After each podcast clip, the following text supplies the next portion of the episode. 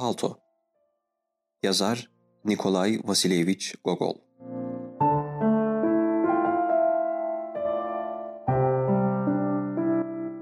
Birdenbire Petersburg'da bir takım söylentiler yayılmaya başladı. Anlatılanlara göre Kalinkin Köprüsü civarında geceleri memur kılığında bir hortlak görülmeye başlamıştı. Hortlak çaldırdığı paltosunu arıyor ve rütbesine ya da ünvanına bakmadan karşısına çıkan herkesin sırtından paltosunu çekip alıyordu. Paltonun özellikleri hakkında da herhangi bir ayrım yapmıyordu. Yakası kedi ya da kunduz kürkünden olmuş, vatkalı olmuş, vatkasız olmuş, rakun kürkünden ya da tilkiden ya da ayı postundan olmuş fark etmiyordu. Kısacası insanoğlunun kendi bedenini örtmek için kullandığı her türden deri ve kürkten yapılmış paltoya el koyuyordu. Dairedeki memurlardan biri hortlağı kendi gözleriyle gördüğünü ve ilk bakışta onu Akaki Akakiyeviç'e benzettiğini söylüyordu. Ancak adamcağız o sırada öyle büyük bir korkuya kapılmıştı ki oradan elinden geldiği kadar hızlı bir şekilde koşarak uzaklaştığı için hortlağı adam akıllı görememiş, sadece uzaktan parmağını tehdit eder gibi kendisine doğru uzattığını seçebilmişti. Şikayetlerin ardı arkası kesilmiyordu. Sadece sıradan memurların değil, üst düzey görevlilerin bile paltoları sırtlarından zorla çekilip alındığı için hepsinin boynu ve omuzları soğuktan tutulmaya başlamıştı. Polise derhal ne gerekiyorsa yapılıp ölü ya da diri bu hortlağın yakalanması ve diğerlerine ibret olsun diye en sert şekilde cezalandırılması emri verildi. Neredeyse bunu başaracaklardı da. Şöyle ki Kiryushkin sokağında bir bekçi eskiden flüt çalan emektar bir müzisyenin paltosunu çalmak üzereyken hortlağın yakasına yapışmıştı. Sonra da iki bekçi arkadaşını yardıma çağırdı. Diğer bekçiler gelince onlara soğuk kış gecelerinde tam altı kez donan burnunu kurtarmak için çizmesinin içindeki enfiye kutusunu çıkarması gerektiğini, bu süre zarfında hortlağı tutmalarını söyledi.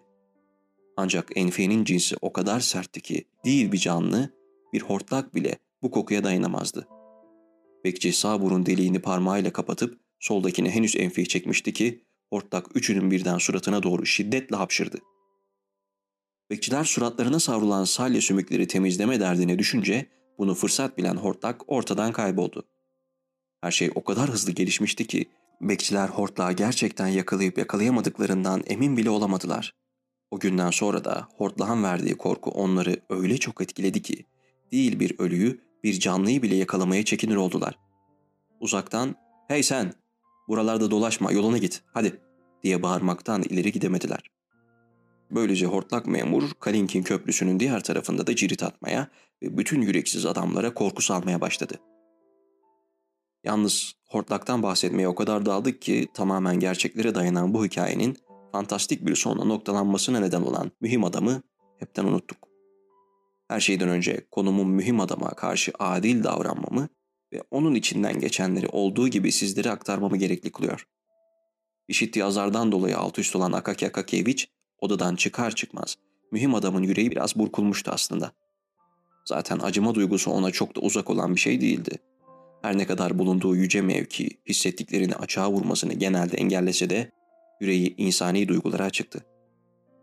Ziyaretine gelen arkadaşı makamını terk eder etmez zavallı Akaki Akakiyeviç'i düşünmeye başladı. Ve o andan itibaren neredeyse her gün kendisinden işittiği paylamaya dayanamayan zavallı Akaki Akakiyeviç'in beti belzi atmış görüntüsü gözlerinin önünde canlandı. Biçare Akaki Akakiyeviç hakkındaki endişeleri öyle baş edilemez hale geldi ki bir hafta sonra dayanamayıp yanında çalışan memurlardan birini adamcağızın ne durumda olduğunu, hala yardımına ihtiyacı olup olmadığını öğrenmesi için çalıştığı daireye göndermeye karar verdi. Akaki Akakiyeviç'in beklenmedik bir şekilde ateşler içinde sayıklayarak ruhunu teslim ettiği haberini alınca kendisini çok kötü hissetti. Bütün gün vicdan azabı içinde kıvrandı ve bir türlü toparlanamadı. Kafasını dağıtmak ve bu nahoş olayın etkisinden kurtulmak için o gece bir arkadaşının vereceği davete katılmaya karar verdi. Oraya vardığında hatırı sayılır insanlardan oluşan bir toplulukla karşılaştı. Her şeyden önemlisi orada bulunanların neredeyse hepsi kendisiyle aynı seviyede kişilerdi. Bu yüzden istediği gibi hareket edebilirdi, davranışlarını kısıtlamak zorunda değildi. Keyfi yerine geldi, gevşedi, güler yüzlü, hoş sohbet biri verdi. Yani oldukça güzel bir gece geçirdi. Yemekte iki kadeh şampanya içti. İşte bu etki sayesinde mühim adam doğruca eve gitmeyip bir hanım arkadaşını Karolin Ivanovna'yı ziyaret etmeye karar verdi. Mühim adam aslen Alman olan bu hanımefendiye karşı tamamıyla arkadaşça duygular besliyordu şüphesiz. Ayrıca hemen belirtmekte fayda var. Kendileri gençlik yıllarını çoktan geride bırakmış olan mükemmel bir eş ve saygın bir aile reisiydi. İçlerinden biri memur olarak çalışan iki yetişkin oğlu ve her sabah uyanır uyanmaz elini öperek ''Bonjour papa'' diyen biraz kemerli olmakla beraber güzel, küçücük bir burnu olan 16 yaşında sevimli bir kızı vardı. Hala genç ve güzel olan karısı öpmesi için kendi elini uzatır, sonra da kocasının eli üstte kalacak şekilde çevirir ve onunkini öperdi. Mühim adam yaşadıkları aile saadetinden büyük bir memnuniyet duyuyor olsa da kentin diğer yakasından sadece dostane duygular beslediği bir hanım arkadaş edinmenin de sakıncası olmayacağını düşünmüştü.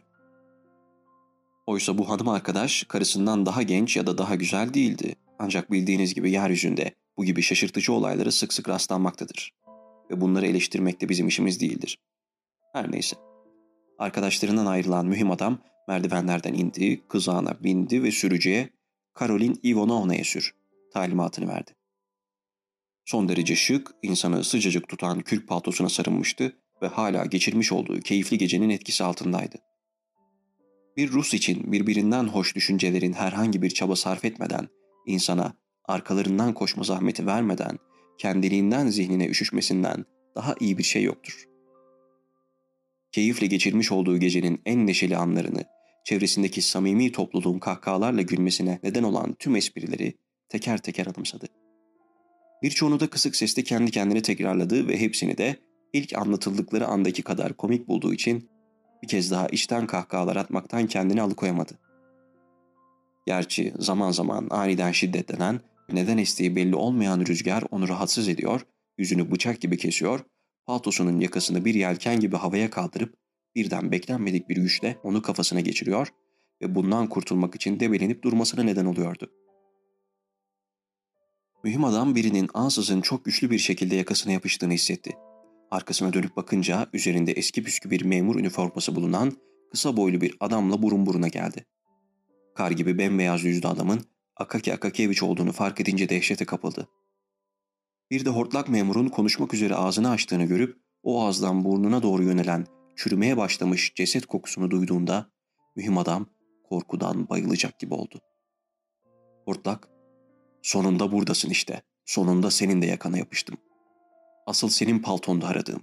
Benimki çalındığında parmağını bile kıpırdatmadın. Yardım istedim diye bana demediğini bırakmadın. Bu yüzden şimdi bana kendi paltonu vereceksin. Zavallı mühim adam korkudan neredeyse ruhunu teslim edecekti.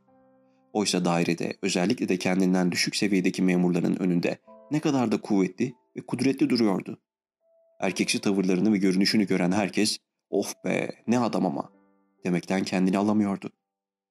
Ancak şu an içinde bulunduğu durumda başkalarının gözünde kahraman gibi görünen birçok mühim adam gibi korkudan tir tir titriyor ve bu korku yüzünden bir yerine inme ineceğini sanıyordu. Hemen paltosunu çıkarıp elinden geldiğince uzağa fırlattı ve alışılmadık bir ses tonuyla arabacıya bağırdı. Eve sür. Yalnızca hayati durumlarda duyduğu ses tonunu ve devamında daha sert uyarıların gelebileceği ihtimalini deneyimleri sayesinde iyice kavramış olan arabacı, olası azarlara karşı önlemini alarak omuzlarını yukarı doğru kaldırdı, kamçısını şaklattı ve kızak bir ok gibi yerinden fırladı. 5-6 dakika sonra mühim adam evinin kapısına gelmişti bile. Karolin Ivanovna'ya gideceği yerde solgun, korkudan deli tutulmuş ve paltosuz bir şekilde kendi evine vardı.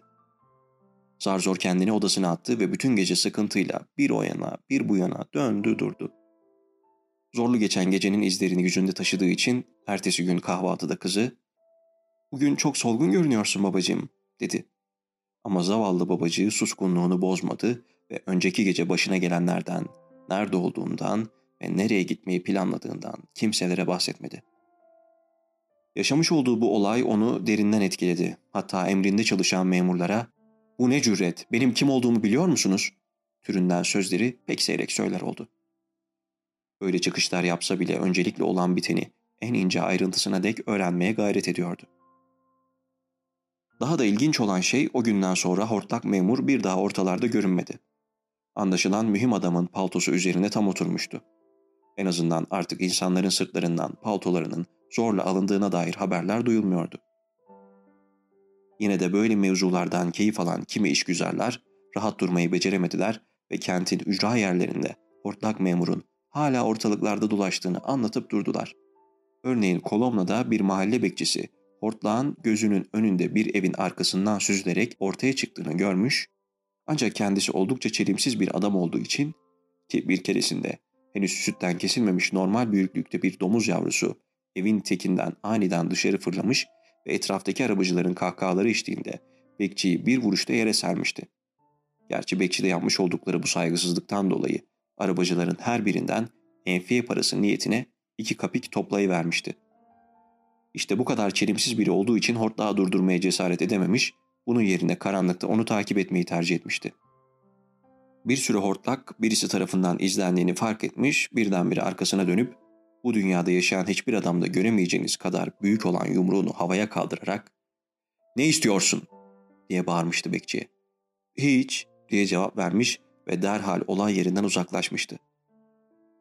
Söylenenlere bakılırsa bu son derece iri yarı ve pala bıyıklı bir hortlakmış. Obukov köprüsüne doğru ilerlemiş, sonra da gecenin karanlığı içinde yitip gitmiş.''